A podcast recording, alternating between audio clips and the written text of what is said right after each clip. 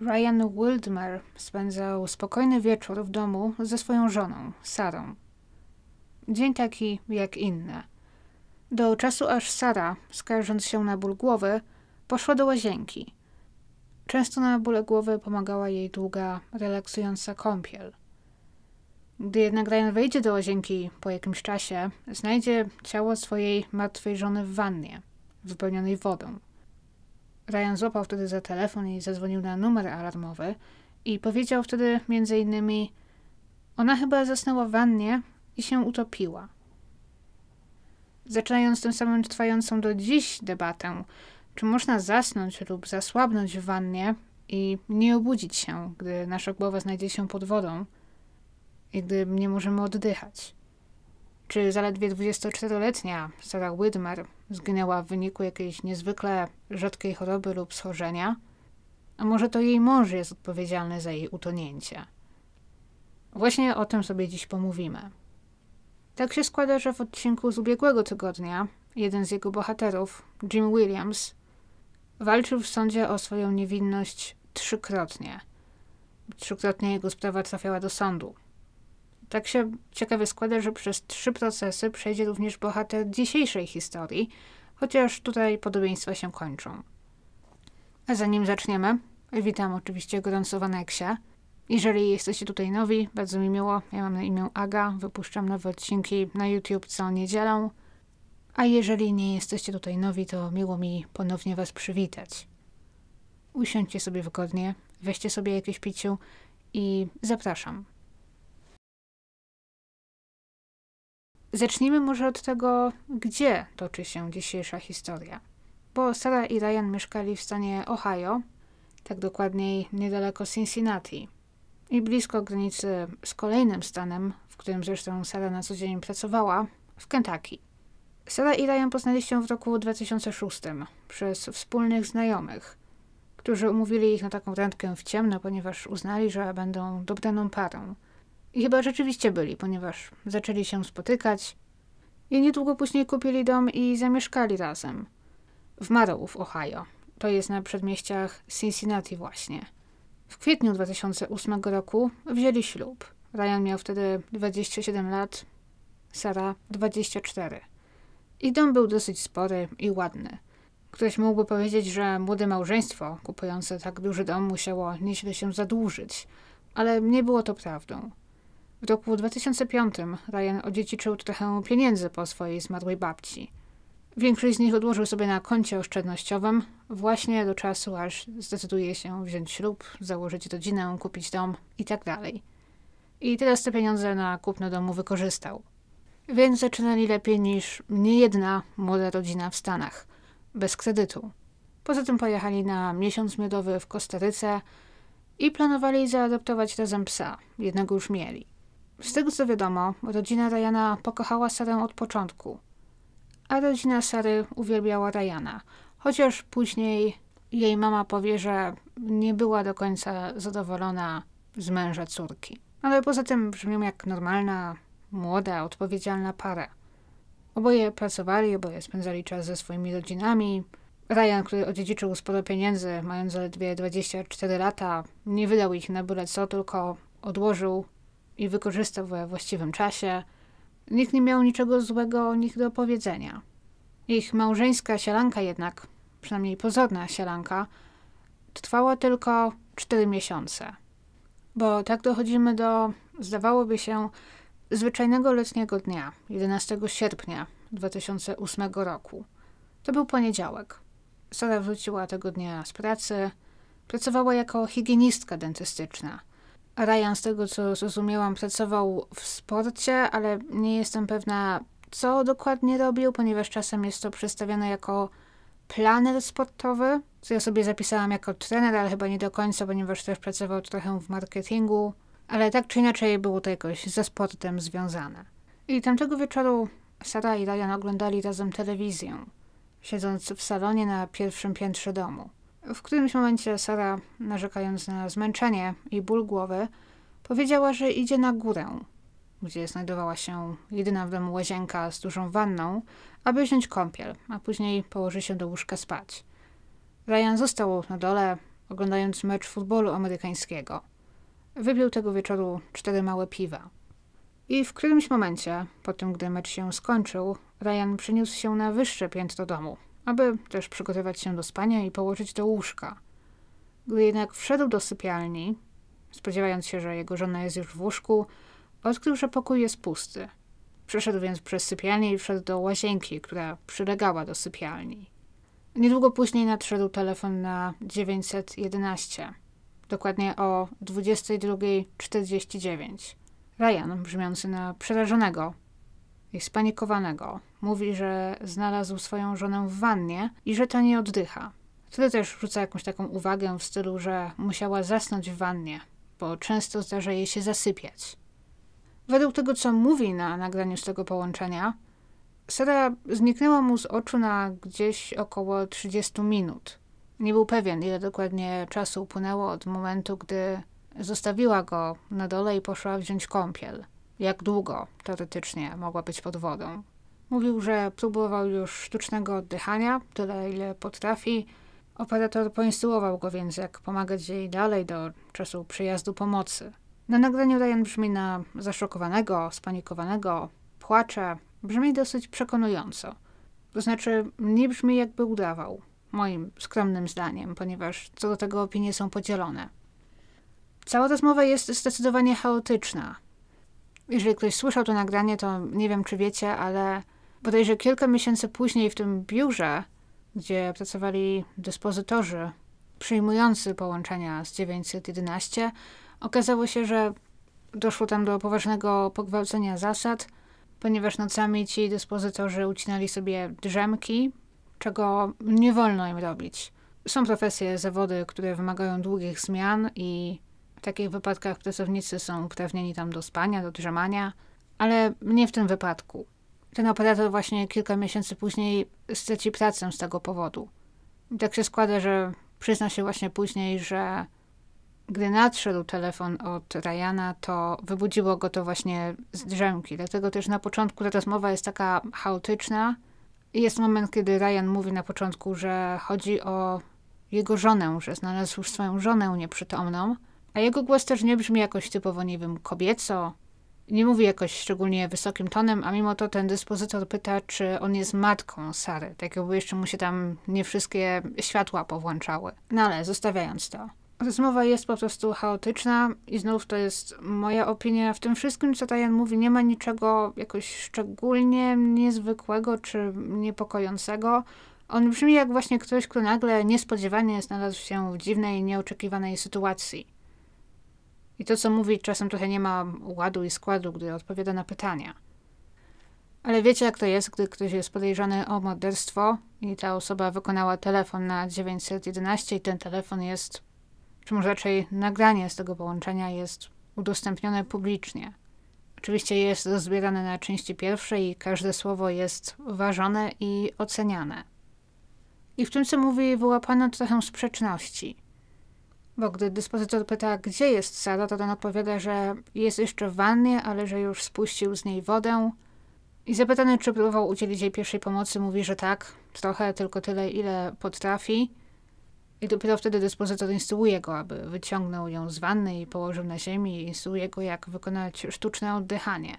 No i można przyczepić się do tego, że jak Ryan mógł potwierdzić, że udzielił jej jakiejś pierwszej pomocy i próbował zacząć sztuczne oddychanie w momencie, gdy ona wciąż znajdowała się w wannie. To byłoby trochę trudne do wykonania. Ale w końcu na miejsce przyjeżdżają ratownicy. Z tego co pamiętam, zajmuje im to trochę ponad 6 minut od momentu, kiedy Ryan wykonuje telefon, więc stosunkowo szybko. Ratownicy medyczni oczywiście zaczynają udzielać Sarze pomocy, która trwa kilka dobrych kwadransów. Nie poddają się zbyt prędko, mimo to niestety nie udaje im przewrócić się jej pulsu. Zaobserwowane jest też wtedy, że w czasie, gdy jej klatka piersiowa jest uciskana, z jej ust wydobywa się taki mętny płyn i piana, co jest podobno bardzo typowe dla ofiar utonięć. Ratownicy próbowali założyć Sarze na twarz maskę tlenową, lecz ta ciągle zsuwała się z jakiegoś powodu. Ten sam problem był później w karetce. Mieli też problem z poprawnym włożeniem takiej plastikowej rurki do jej gardła, co ma podobno zapobiec wymiotowaniu, jeżeli dobrze zrozumiałam, jak i też udrożnić drogi oddechowe. Zmagali się z tym przez jakiś czas. Założono ją dopiero w szpitalu. W czasie prób przywrócenia pracy serca użyto też defibrylatora. Wiem, że może małe szczegóły, ale mogą okazać się zaraz mieć znaczenie. Sara została przywieziona do szpitala, gdzie dokładnie o 23.41, prawie godzinę po telefonie Diana, jakieś 45-50 minut po tym, gdy zaczęto udzielać jej pomocy, lekarze stwierdzili jej śmierć. Autopsja potwierdzi później, że powodem śmierci było utonięcie, a we krwi Sary nie wykryto żadnych leków czy alkoholu.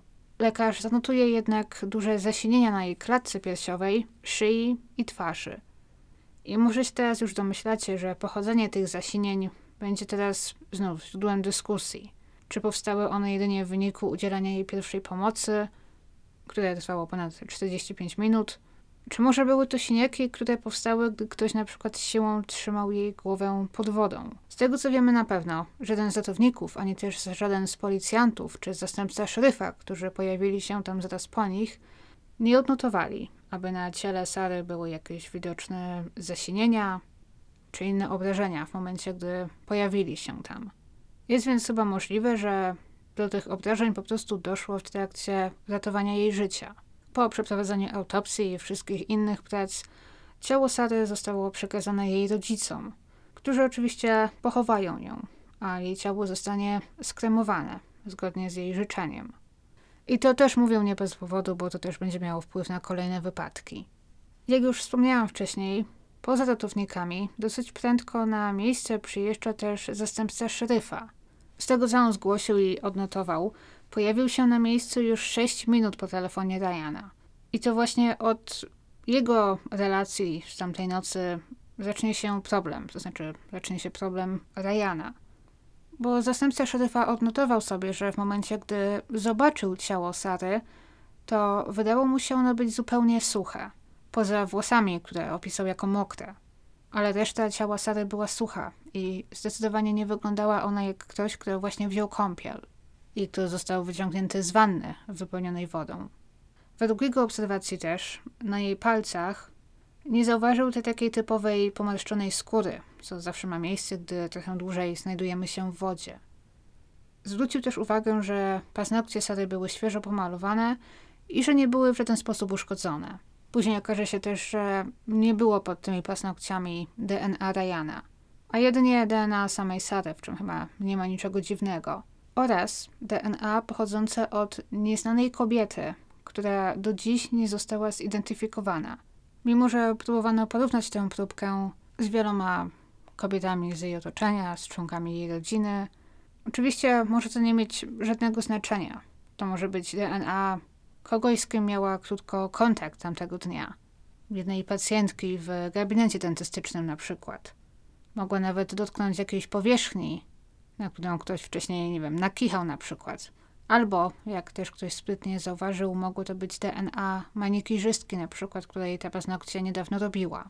Już na początku pojawiają się jeszcze inne nieścisłości, jeżeli chodzi o to, co Ryan mówi i komu mówi. Bo podczas telefonu na 911 powiedział, że znalazł Sarę w wannie twarzą w dół.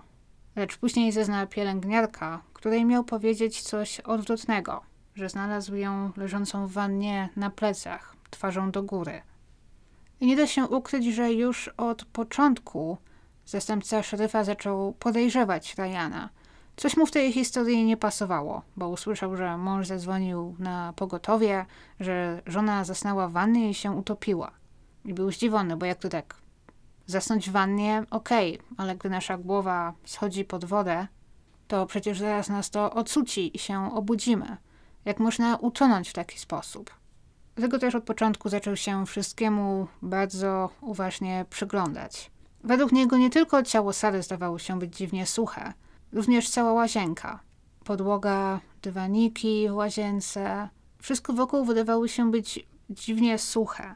Przyszło mu więc do głowy, że cokolwiek się wydarzyło, zanim Ryan zadzwonił po pomoc, musiał w łazience do jakiegoś stopnia posprzątać, osuszyć ją, Więc zaczęli szukać mokrych ręczników albo mokrych ścierek w domu, ale niczego takiego nie znaleźli. Sprawdzili pralkę, suszarkę, wszystkie szafy. Nie znaleźli żadnego dowodu wtedy na to, że ktoś rzeczywiście w tej łazience sprzątał, czy próbował coś tam wysuszyć.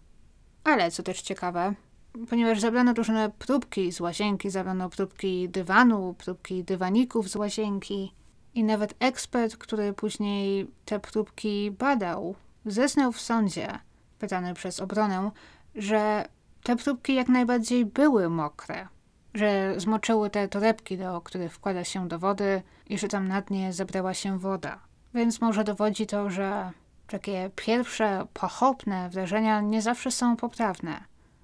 Nawet jeżeli pochodzą od zastępcy szeryfa. Na brzegach wanny poukładane też były różne kosmetyki, szampony, żary pod prysznic tak dalej. I nie zauważono, aby cokolwiek było tam przewrócone, aby cokolwiek było w nieładzie. Co znów utwierdziło ich w przekonaniu, że jeżeli Ryan zabił żonę, musiał jakoś tam poukładać te kosmetyki, posprzątać. Ponieważ jeżeli założymy, że utopił żonę w wannie, przytrzymał jej głowę pod wodą, to te kosmetyki pewnie pospadałyby. Ale w tym momencie wydaje się, że czegokolwiek by tam nie znaleźli, obróciliby to jakoś na niekorzyść Ryana. No bo gdyby niektóre kosmetyki były przewrócone, no to odczytaliby to właśnie jako znak, że doszło tam do jakiejś walki, że może Sara właśnie mając głowę pod wodą wymachiwała rękami, walczyła, no i poprzewracała to, co było koło niej. Wtedy byłby to dowód na to, że Ryan zabił Sarę. A że żadne butelki nie były poprzewracane, to znów założyli, że pewnie były przewrócone wcześniej, ale on to posprzątał. Więc tak czy inaczej jest winny. Chociaż niektórzy też wychodzą z założenia, że nieważne czy Ryan zabił Sarę, czy jedynie znalazł ją nieprzytomną i wyciągnął ją z wanny, tak jak zesnął, powinno to doprowadzić do przewrócenia przynajmniej niektórych rzeczy wokół nich, no bo gdy łapiemy kogoś i wyciągamy tę osobę z wanny i ta osoba jest nieprzytomna, to łatwo postrącać różne rzeczy, które są wtedy wokół nas. W łazience na brzegu wanny znaleziono też jedną zużytą chusteczkę Lysol. Wiecie, taką nasączoną środkiem do czyszczenia, właśnie używaną do czyszczenia powierzchni w łazienkach i tak dalej. I to też spisali jako dowód, że Ryan musiał w tej łazience posprzątać. Mimo, że nie wiadomo jak długo ta chusteczka tam leżała. Równie dobrze to Sara przed wzięciem kąpieli mogła przetrzeć wannę w środku, zanim nalała do niej wody. Ja tak na pewno robiłam wiele razy w swoim życiu przed rozpoczęciem kąpieli. Poza tym do tego jeszcze przejdziemy zaraz. Na wannie znaleziono odciski dłoni i palców, więc teoretycznie, jeżeli Ryan próbował posprzątać coś w łazience, usunąć z tej wanny jakieś ślady, no to chyba nie zrobił tego najlepiej. Gdy ratownicy i policjanci przyjechali na miejsce, Zauważyli, że Ryan był w samych bokserkach. Co ma sens, w końcu szykował się do pójścia spać. Ale dzięki temu mieli też okazję zaobserwować, że na jego ciele nie było żadnych obrażeń, żadnych zadrapań, żadnych śladów wskazujących na to, że ktoś, czy tak dokładniej Sara, się przed nim broniła. No bo jeżeli założymy, że ktoś próbuje nas utopić, że ktoś trzyma naszą głowę pod wodą, to oczywiście będziemy wymachiwać rękami, próbować złapać rękę tej osoby, na pewno ją podrapiemy i tak dalej, a tutaj nie było żadnych obrażeń na ciele Ryana, ani również nie było jego DNA pod paznokciami Sary. Według policjantów, którzy pojawili się wtedy na miejscu, to też nie tylko ciało Sary wydało im się suche, czy podłoga i dywaniki, ale też wanna. Mimo, że znów zaprezentowane podczas procesu zdjęcia tej wanny, zrobione kilka godzin po jego telefonie na 911, wciąż pokazują, że znajdowało się tam trochę wody zgromadzonej wokół odpływu, więc nie była zupełnie sucha. Nie da się jednak ukryć, że niektóre podejrzenia w stosunku do Ryana powstają na podstawie niezwykle malutkich szczegółów, które, no cóż, podlegają interpretacji, i tak trochę na takim łapaniu za słówka, ponieważ policjanci, można by powiedzieć, przyczepiają się do najmniejszych szczegółów.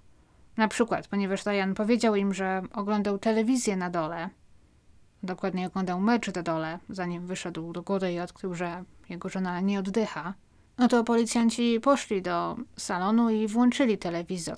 I odkryli, że był on nastawiony na kanał, na którym ten mecz wcale nie leciał. Więc uznali, że Musi to być dowód na to, że Ryan kłamie. Jak to oglądał mecz, jak telewizor został wyłączony na zupełnie innym kanale. Ale jest to chyba nic innego jak wyciąganie pochopnych wniosków w tym momencie, bo nikt wtedy też Ryana nie zapytał. Czy może po tym, gdy mecz się skończy, po prostu skakał jeszcze jakiś czas po kanałach, zanim poszedł spać na przykład. Wiele osób ma taki zwyczaj na przykład, że gdy zaczynają się reklamy, czy gdy coś się kończy, automatycznie łapią za pilotę i zaczynają skakać po kanałach. Ale poszli do drugiego telewizora, który znajdował się w sypialni. Sypialni, do której przyłączona była ta łazienka, w której znalazł Sarę.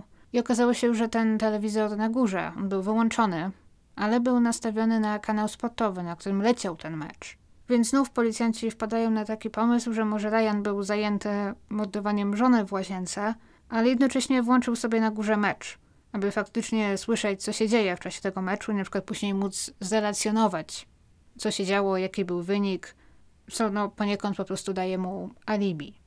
Zgadzam się w stu procentach, że w momencie, gdy policjanci mają do czynienia z czyjąś dziwną śmiercią, to należy od początku traktować to miejsce jako potencjalne miejsce zbrodni. Nawet jeżeli później okaże się, że był to wypadek czy śmierć z powodów naturalnych, łatwiej jest wszystko na początku zabezpieczyć i później odkryć, że najwyżej było to niepotrzebne, niż nie zabezpieczyć, nie zbadać niczego i później odkryć, że było to morderstwo i nie mieć tych dowodów, nie mieć tych śladów, ponieważ miejsce zbrodni zostało zanieczyszczone, nikt niczego odpowiednio nie zabezpieczył.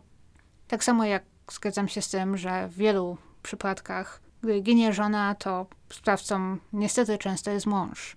Więc podejrzliwość w stosunku do Ryana i uważność uważam za jak najbardziej uzasadnione. Ale czepianie się malutkich szczególików i założenie dosłownie już od progu, że Ryan musi być winny, jest zwyczajnie nie w porządku. Inną kwestią są obrażenia, jakie zaobserwowano potem na ciele Sary. Siniaki na klatce piersiowej, na szyi, twarzy i głowie. Z dosyć dużą pewnością można założyć, że przynajmniej część z nich powstała w wyniku akcji ratunkowej, masażu serca, zwłaszcza te na klatce piersiowej. Przez ponad 45 minut ratownicy medyczni i lekarze walczyli o życie Sary. A wcześniej jeszcze przez kilka minut walczył o nie też niedoświadczony Ryan, instruowany przez operatora. Do tego dochodzi wyciągnięcie Sary z wanny, później przetransportowanie jej do karetki, próby założenia jej maski tlenowej, włożenia tuby do gardła. Gdy chodzi o ratowanie życia, ratownicy nie będą zwracać większej uwagi na to, czy nabiją komuś śniaka, czy nie. Z wszystkich kusów pierwszej pomocy, jakie przeszłam w swoim życiu, pamiętam m.in. radę, aby na przykład nie bać się użyć siły podczas masażu serca, że lepiej połamać komuś żebra, ale uratować mu życie. Więc oczywiście, biorąc pod uwagę, jak długo próbowano przywrócić Sarze puls i jak wiele osób nad nią pracowało, używanie tych siniaków jako argumentu przeciwko Ryanowi również nie jest do końca uczciwe. Jak również nie ma zgody, jak dokładnie te obrażenia powstały, ponieważ na przykład w czasie procesu ekspert ze strony oskarżającej zeznał, że obrażenia te są bardziej rozległe niż to, co zwykle obserwuje się po akcji ratunkowej – lecz znów kilka ekspertów powołanych przez obronę zeznało coś zupełnie innego. Jak najbardziej jest taka możliwość, że oni widzieli takie przypadki. Więc bądź tu człowieku mądry. Jest jeszcze kwestia tak zwanego zasypiania Sary. Bo już na początku, jak Ryan wyjaśnił, gdy zorientował się, że nie ma Sary w sypialni na górze, to przyszło mu do głowy, że musi być jeszcze w wannie i że może w niej zasnęła. Zapytany przez policjantów jeszcze tamtej nocy, czy często zdarzało jej się zasypiać w wannie, powiedział, że nie, w wannie nie, ale że Sara ma taką tendencję do częstego zasypiania zawsze i wszędzie, że przychodzi jej to z łatwością. To jest też coś, co potwierdzą później jej przyjaciele w większości. Według nich Sara łatwo zasypiała, co znów da podstawy do podejrzeń, że może cierpiała na jakąś niezdiagnozowaną chorobę, i w czasie procesu, a w zasadzie procesów, zezna wielu jej znajomych i współpracowników. Powiedzą oni m.in. o tym, że Sara, jeżeli na przykład przyjechała kilka minut wcześniej do pracy, to nie wchodziła do budynku do czasu, aż nie zaczynała się jej zmiana, zamiast tego ucinała sobie drzemkę w samochodzie. Często też w czasie przerwy na lunch szła do samochodu, aby się zdrzemnąć przez pół godziny. Narzekała na migreny, bóle głowy, bóle żołądka, przynajmniej raz w tygodniu. Nawet w dzień swojej śmierci powiedziała współpracownikom, że boli ją głowa i żołądek. Zresztą też jej bliska przyjaciółka, która była z zawodu pielęgniarką. Ona opowie, że Sara na kilka tygodni przed swoją śmiercią przyszła do niej, opisując swoje symptomy, mówiąc, że ma bóle głowy, zmęczenie, senność, że wszystko to tak się nasiliło, że Sara nie wie, co robić. Przyjaciółka poleciła więc, aby poszła do lekarza na rutynową kontrolę, co Sara podobno też uczyniła. Ale z tego co wiemy, ta kontrola niczego niepokojącego nie wykazała. Ale nigdy też nie znalazłam informacji, jakie badania dokładnie wykonano, na jakie choroby, pod jakim kątem, czy coś wykluczono. Bo jeżeli mogę zgadywać, że taka kontrola u lekarza w Stanach wygląda podobnie jak w Kanadzie, to nie zawsze zleca się testy krwi, zleca się dokładne testy krwi, czy podejrzewa jakoś niezwykle rzadkie i poważne choroby, zwłaszcza jeżeli chodzi o osoby młode. Co roku też chodzę na taką rutynową kontrolę i składa się na zwykle zmierzenia ciśnienia, nie wiem, zważenia i zwykle cytologii. Lekarka zawsze się mnie pyta, czy coś mnie martwi, czy mam jakieś objawy, jakieś symptomy, które mnie niepokoją.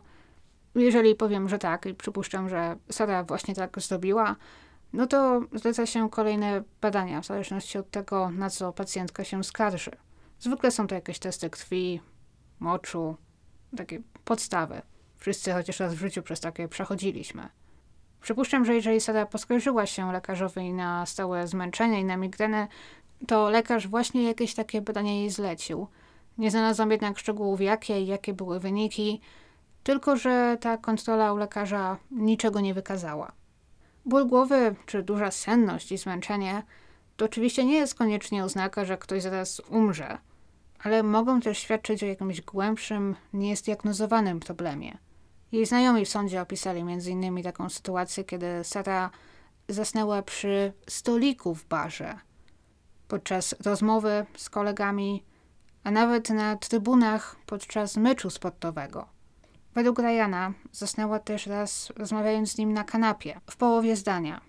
Ale znów jej mama, Ruth Ann Stewart, jest jedyną osobą, która zaznała coś zupełnie przeciwnego.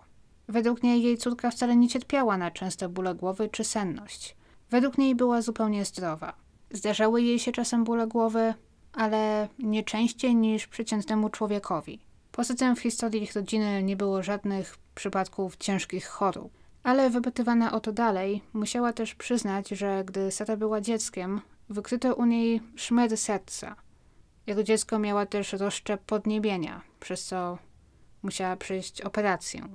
Ale nawet jeżeli Sara na coś chorowała, jeżeli bardzo łatwo zasypiała, to wciąż pozostaje pytanie: jak można zasnąć, zejść pod wodę i gdy woda dotyka naszej twarzy, to się nie obudzić? Raport toksykologiczny nie wykazał w jej organizmie żadnych leków, narkotyków, alkoholu, bo to one najczęściej są odpowiedzialne za utonięcia w wannie. Tutaj od razu przyszła mi na myśl na przykład śmierć Whitney Houston. Ale u Sary niczego nie znaleziono. Nie wypiła tamtego wieczoru ani łyka piwa, nie znaleziono nawet żadnych dowodów na to, że wzięła jakąś tabletkę przeciwbólową na jej ból głowy. Nic. Ale też według informacji z procesu, przeprowadzona wtedy autopsja miała za zadanie jedynie wykazać, co było przyczyną śmierci. No bo to oczywiście jest właśnie zadaniem autopsji. Ale w takim wypadku bardzo możliwe, że nie wykazałaby na przykład, czy tuż przed śmiercią doszło do ataku padaczki lub do zasłabnięcia.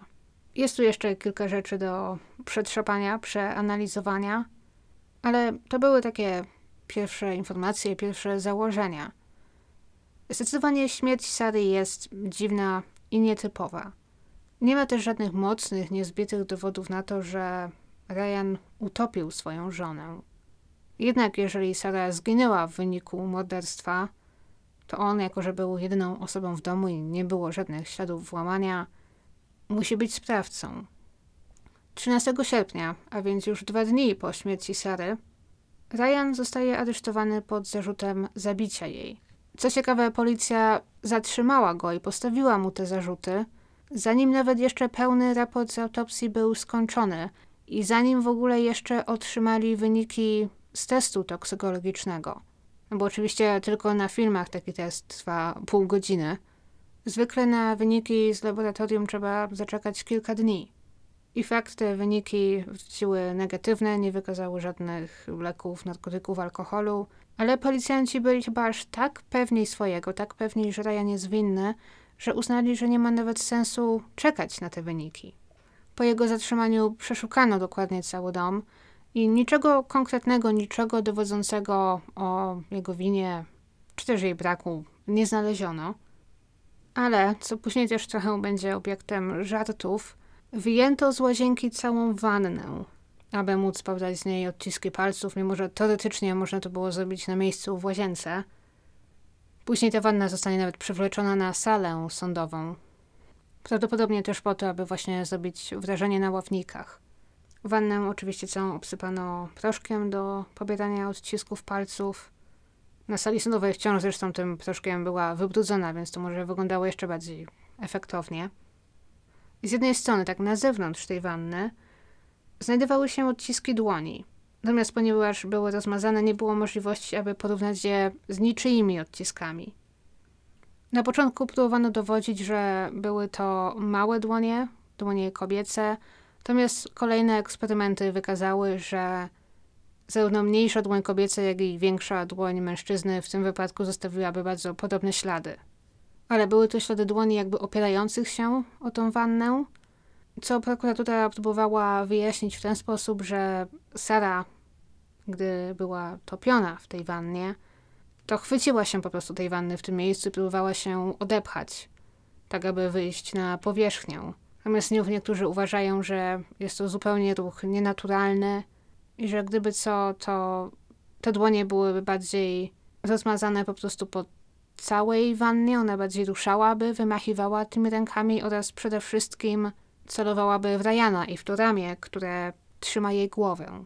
Na wannie znaleziono też odcisk ramienia, tak jakby ktoś chwycił tę wannę w pewnym miejscu i znów próbowano dowodzić, że to jakoś Ryan się tej wanny złapał, gdy topił Sarę. Ale oczywiście na takich odciskach nie tyle, że nie można ich przypasować do żadnej konkretnej osoby, więc mogły tam zostać zostawione przez tak naprawdę kogokolwiek. Nie mają też żadnej daty na sobie, więc nie wiadomo, czy powstały właśnie w noc śmierci Sary, czy wcześniej, a może nawet później, bo niektórzy żartują, że w szczególności ten odcisk ramienia, jakby ktoś tak złapał tę wannę, wziął się od tego, że ktokolwiek dostał za zadanie, aby wyciągnąć, wymontować tą wannę stamtąd, po prostu musiał się jakoś chwycić, aby ją stamtąd później wyciągnąć. Chociaż założyłabym, że przykryliby ją jakąś folią, czymś tak, żeby przypadkiem właśnie żadne ślady, odciski i DNA osób, które pracowały nad wyciągnięciem, wymontowaniem tej wanny, aby żadne ślady się tam nie znalazły. Ryanowi pozwolono wyjść na wolność za kaucją i czekać na proces na wolności. Wprowadził się na ten czas do swojej mamy, bo nie mógł zdobyć się na to, aby wrócić do ich wspólnego domu. W marcu 2009 roku Ryan Widmer stanął przed sądem. I ponieważ wspomniałam już wcześniej, że przeszedł przez trzy procesy, nie zaskoczy Was pewnie, że został wtedy uznany winnym. Winnym zamordowania Sary. Zdaje się jednak, że większość osób komentujących tę sprawę zgadza się, że dowody przedstawione przeciwko niemu były dosyć słabe. Zdaje się, że prokuratura i łownicy wyszli z takiego założenia. Sara utonęła w niewielkiej ilości wody, w której nie da się od tak utonąć, chyba że ktoś przytrzyma nam pod tą wodą głowę, a w domu był tylko Ryan, więc tym samym to on musi być winny. Mimo, że nie było też żadnego sensownego motywu. Sara i Ryan dopiero co się pobrali.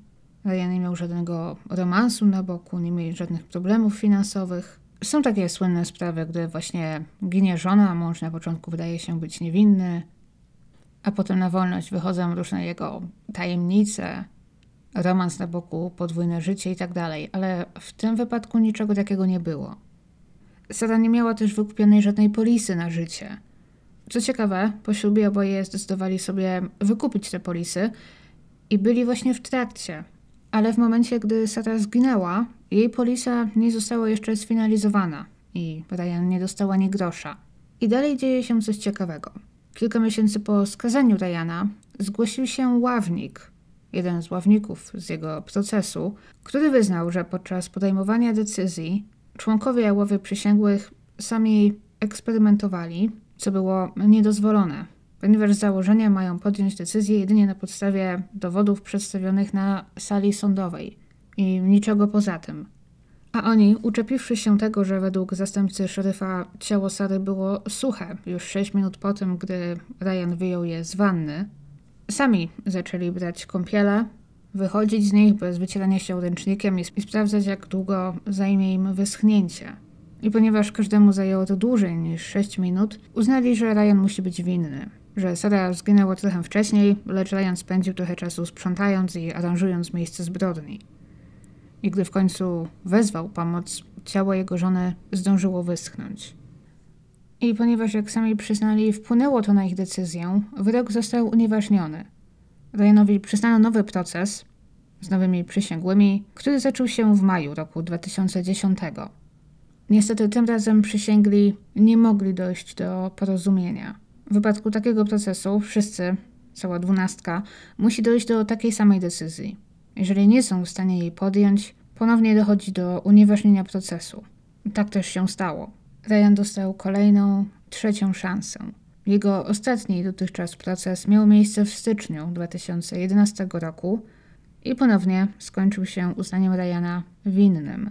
W tej sprawie pojawia się jeszcze taka kobieta jak Jennifer Crew, której chyba nie można pominąć.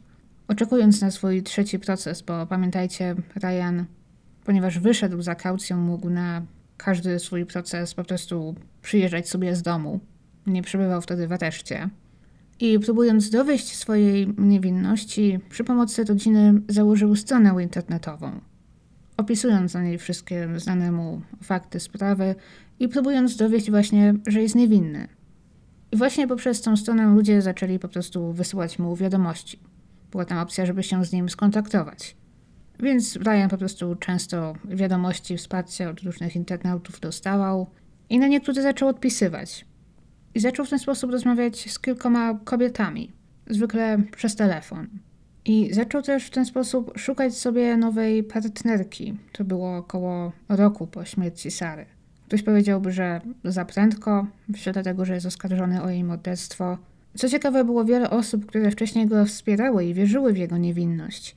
Jednak gdy odkryły, że Ryan szuka sobie już nowej dziewczyny, zwątpiły w niego. Jedną z kobiet, z którą właśnie Ryan korespondował i rozmawiał czasem przez telefon, była kobieta nazwiskiem Jennifer Crew ze stanu Iowa. Z tego co mi wiadomo, nigdy chyba nawet nie poznali się twarzą w twarz, przed tym, gdy ona w końcu zeznała w jego procesie. A Jennifer została powołana na świadka po tym, gdy skontaktowała się z prokuraturą, mówiąc, że Ryan zadzwonił do niej, płacząc i przyznając się do zabicia Sary. Jak zeznała, zadzwonił do niej po pijanemu i ze szczegółami opowiedział jej, co zaszło. A mianowicie, pokłócili się, ponieważ Sara odkryła, że Ryan odwiedza strony dla dorosłych. No co faktycznie były dowody, znaleziono to na jego komputerze i mówiono o tym wcześniej, użyto tego przeciwko niemu w czasie procesu. Sara powiedziała, że chce go zostawić, że chce rozwodu. Stali wtedy w łazience.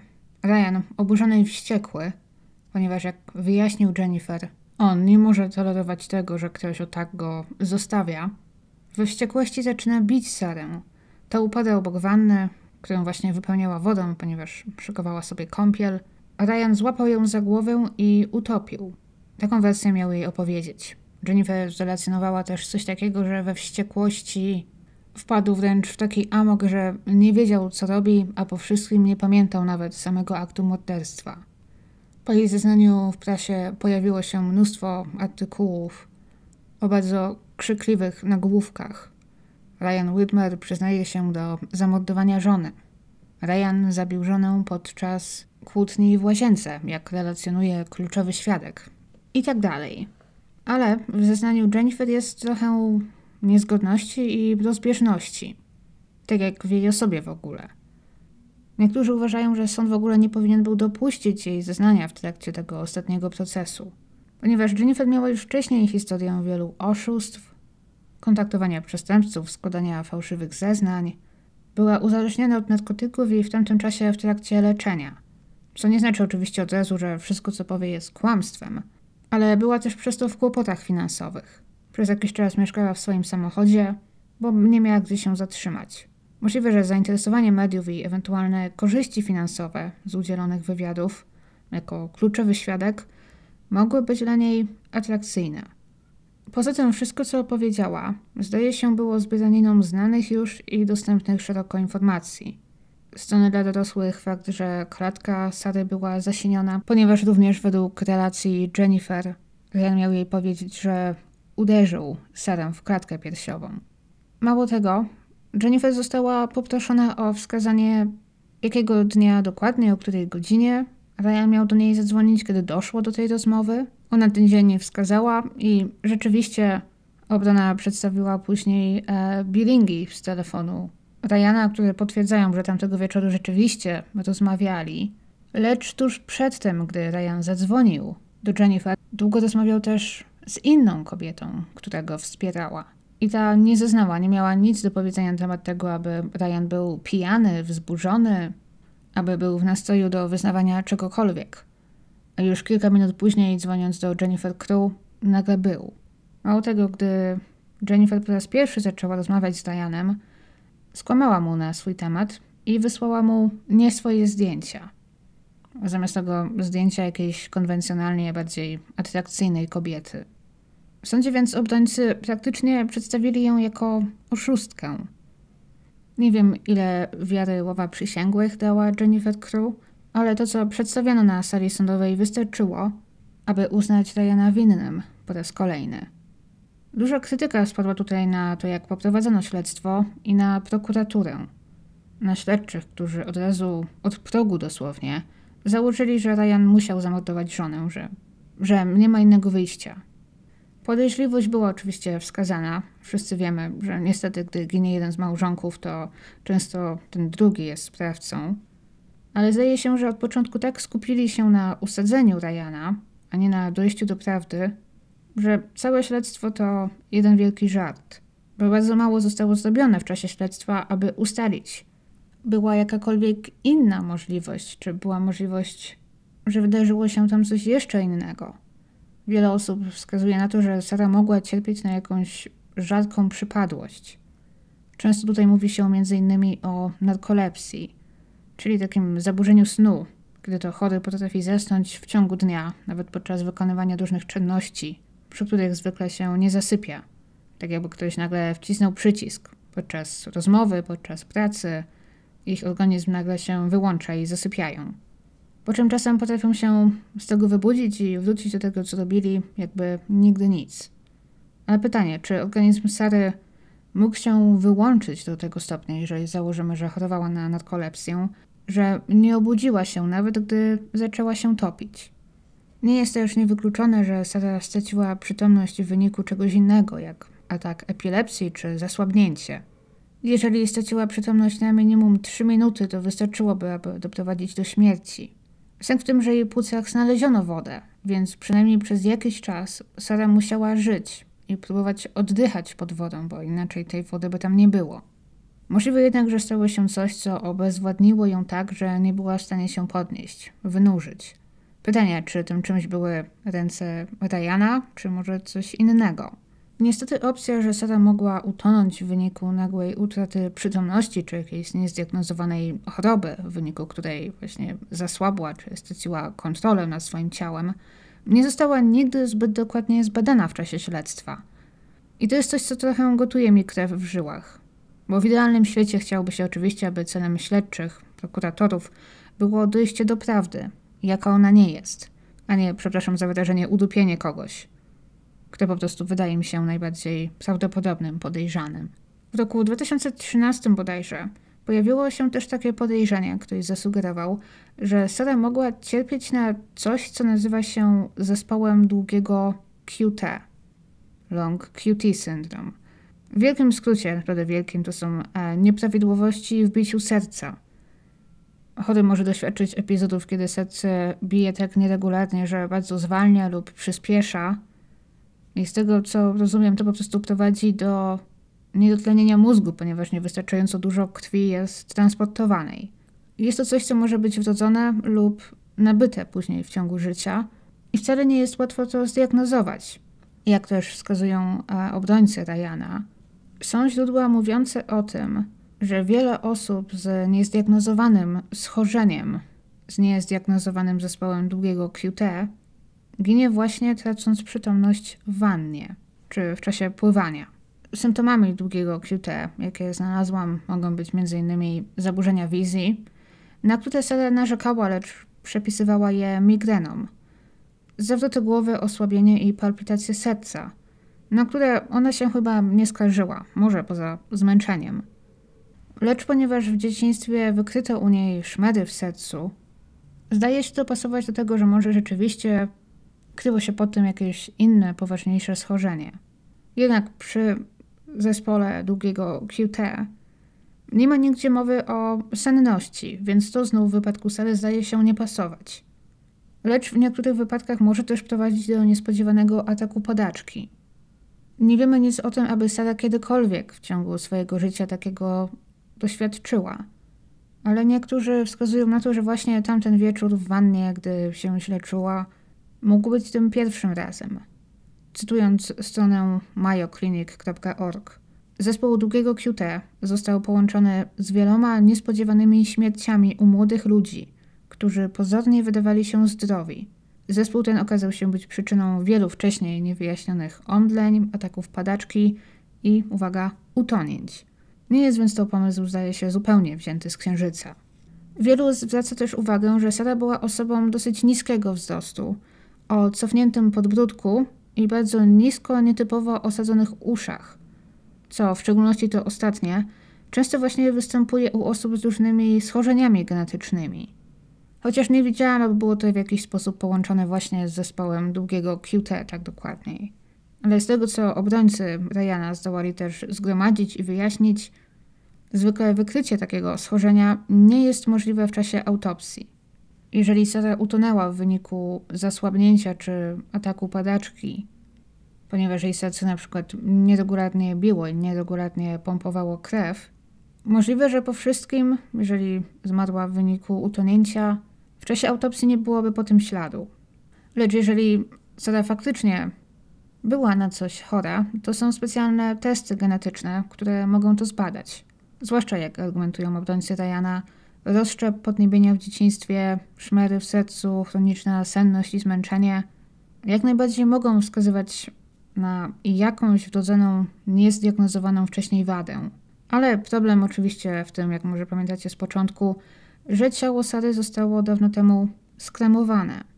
Stan Ohio jest jednak w posiadaniu jej próbki DNA, która została zabezpieczona w czasie śledztwa.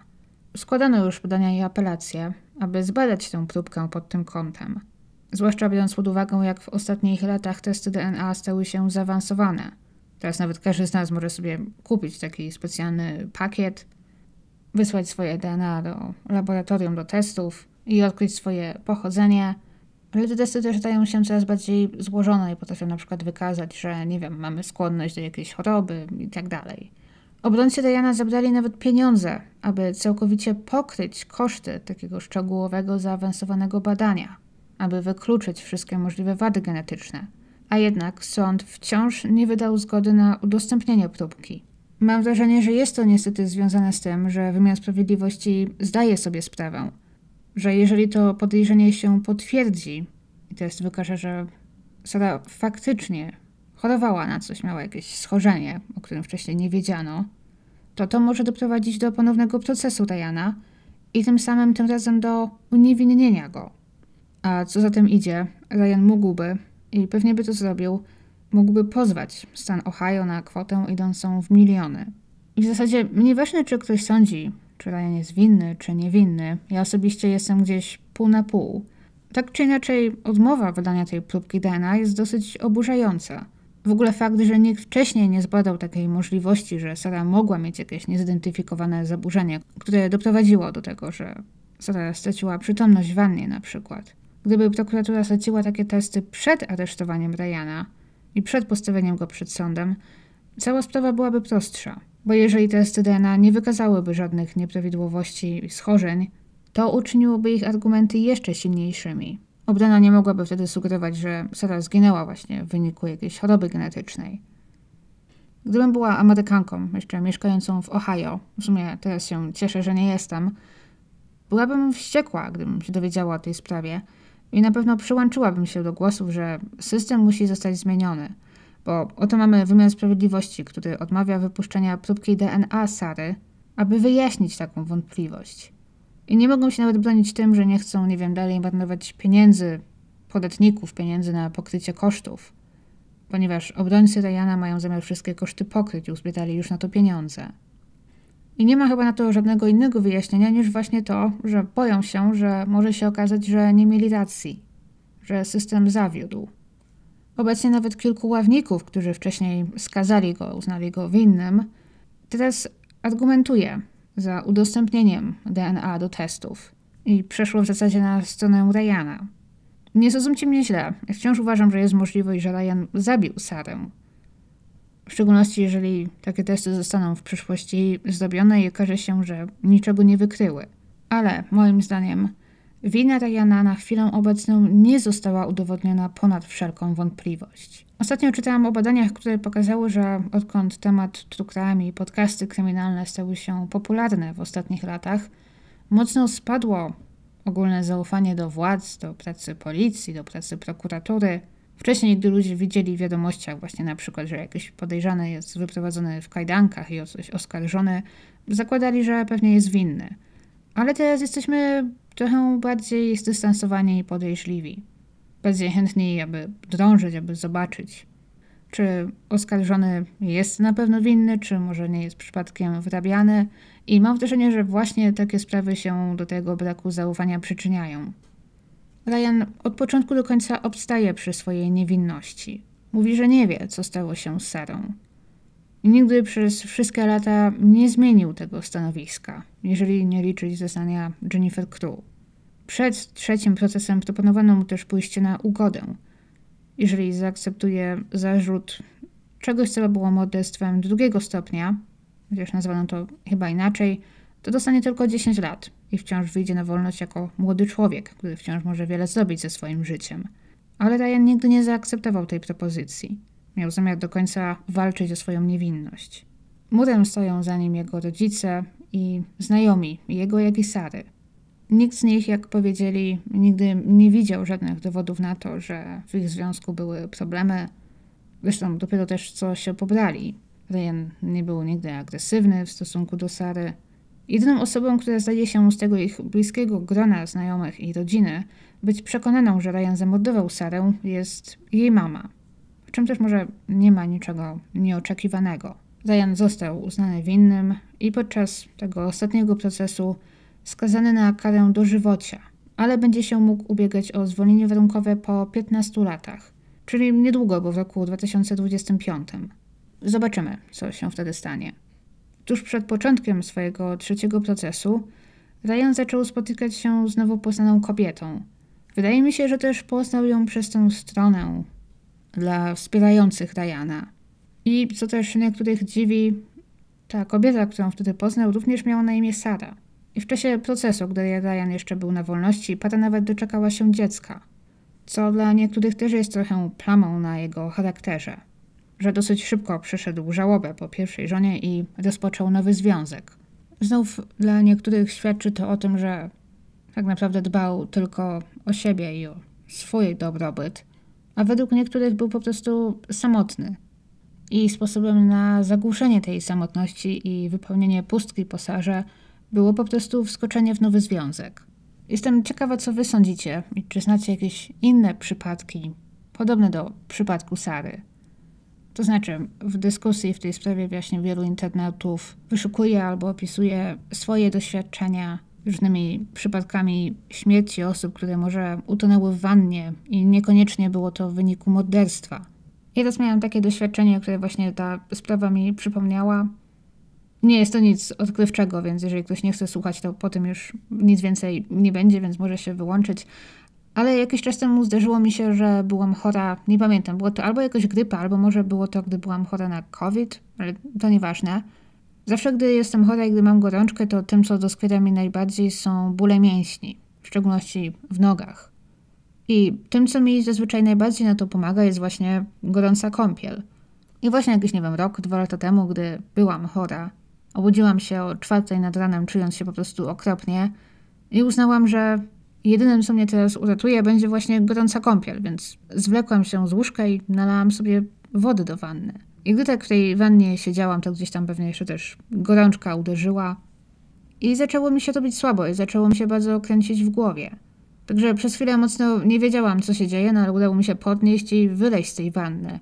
Ale tak się właśnie po tym zastanawiałam. A co by było gdyby? Co by było, gdybym nie miała siły się podnieść? Czy gdybym zasłabła w tej wannie, to co by się stało? Czy mogłabym w ten sposób utonąć? Czy może właśnie gdyby moja głowa zanurzyła się pod wodę, to to by mnie ocuciło? Nie wiem, nie mam na to wyjaśnienia. Nie polecam nikomu eksperymentować. Ta sprawa mi po prostu o tym przypomniała. Jestem ciekawa, co wy o niej sądzicie. I czy sądzicie, że Ryan został słusznie skazany, czy nie? Ja osobiście uważam, że Ryan na podstawie takich dowodów, jakie mamy, nie powinien był zostać skazany, ponieważ nie udowodniono mu winy ponad wszelką wątpliwość. Ale to nie oznacza, że nie jest winny. Po prostu nie ma na to dowodów. Jeżeli chodzi o jego winy, to jestem gdzieś tak 50-50. Jestem ciekawa, co sądzicie. Dzięki za słuchanie, dzięki za oglądanie i słyszymy się za tydzień. Trzymajcie się.